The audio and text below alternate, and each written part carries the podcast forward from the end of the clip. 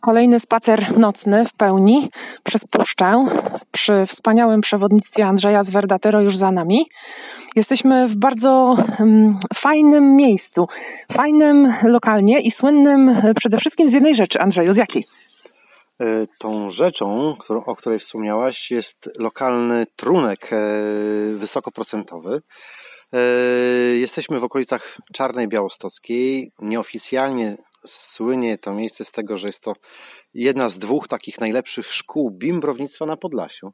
Druga to okolice Grudka, ale na to jest jedyna recepta, trzeba po prostu trunków z obydwu szkół spróbować i wtedy ocenić. Ciekawe też jest, że ta nazwa na ten bimber e, zmienia się w zależności, w której części Podlasia jesteśmy.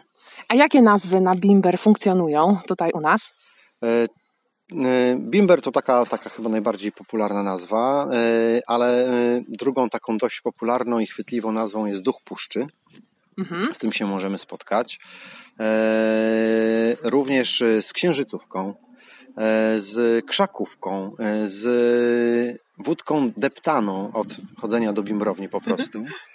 W okolicach Biebrzy ten sam trunek produkowany wedle tej samej receptury nazywa się już kopnięciem łosia.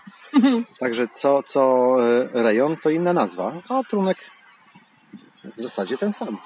Ja jeszcze znam takie nazwy jak sam żonę, spolszczone na samogon i berbelucha. Słyszałeś o takich? E, tego pierwszego nie, o berbelusie tak, aczkolwiek jest to taka, taka e, mi się to kojarzy z, z takim trunkiem już marnej jakości. Okay. Że się pije po prostu barbeluchę, czyli takie już no, krótko mówiąc, nie wiadomo co.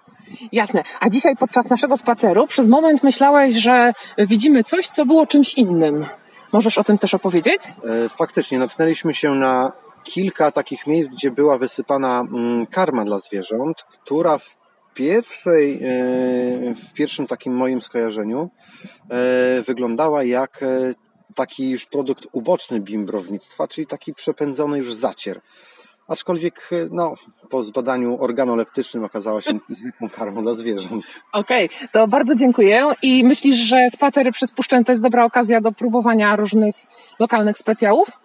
Myślę, że e, próbowanie czegokolwiek na świeżym powietrzu jest dobrym pomysłem, a szczególnie produktów lokalnych. Super, bardzo dziękuję.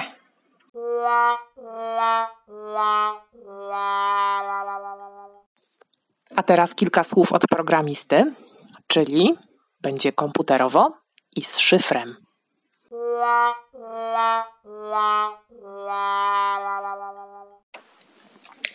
Kiedyś słyszałam, że w okolicach Czarnej Białostockiej jedną z nazw bimbru było mleko wściekłych krów. I było to również hasło umożliwiające kupienie go od lokalnych bimbrowników.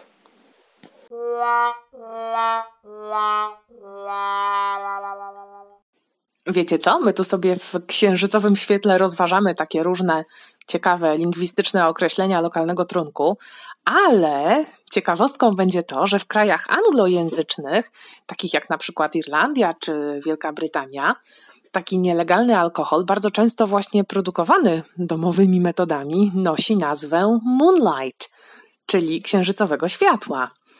Czyli w takim polskim ujęciu jest to księżycówka. La, la, la,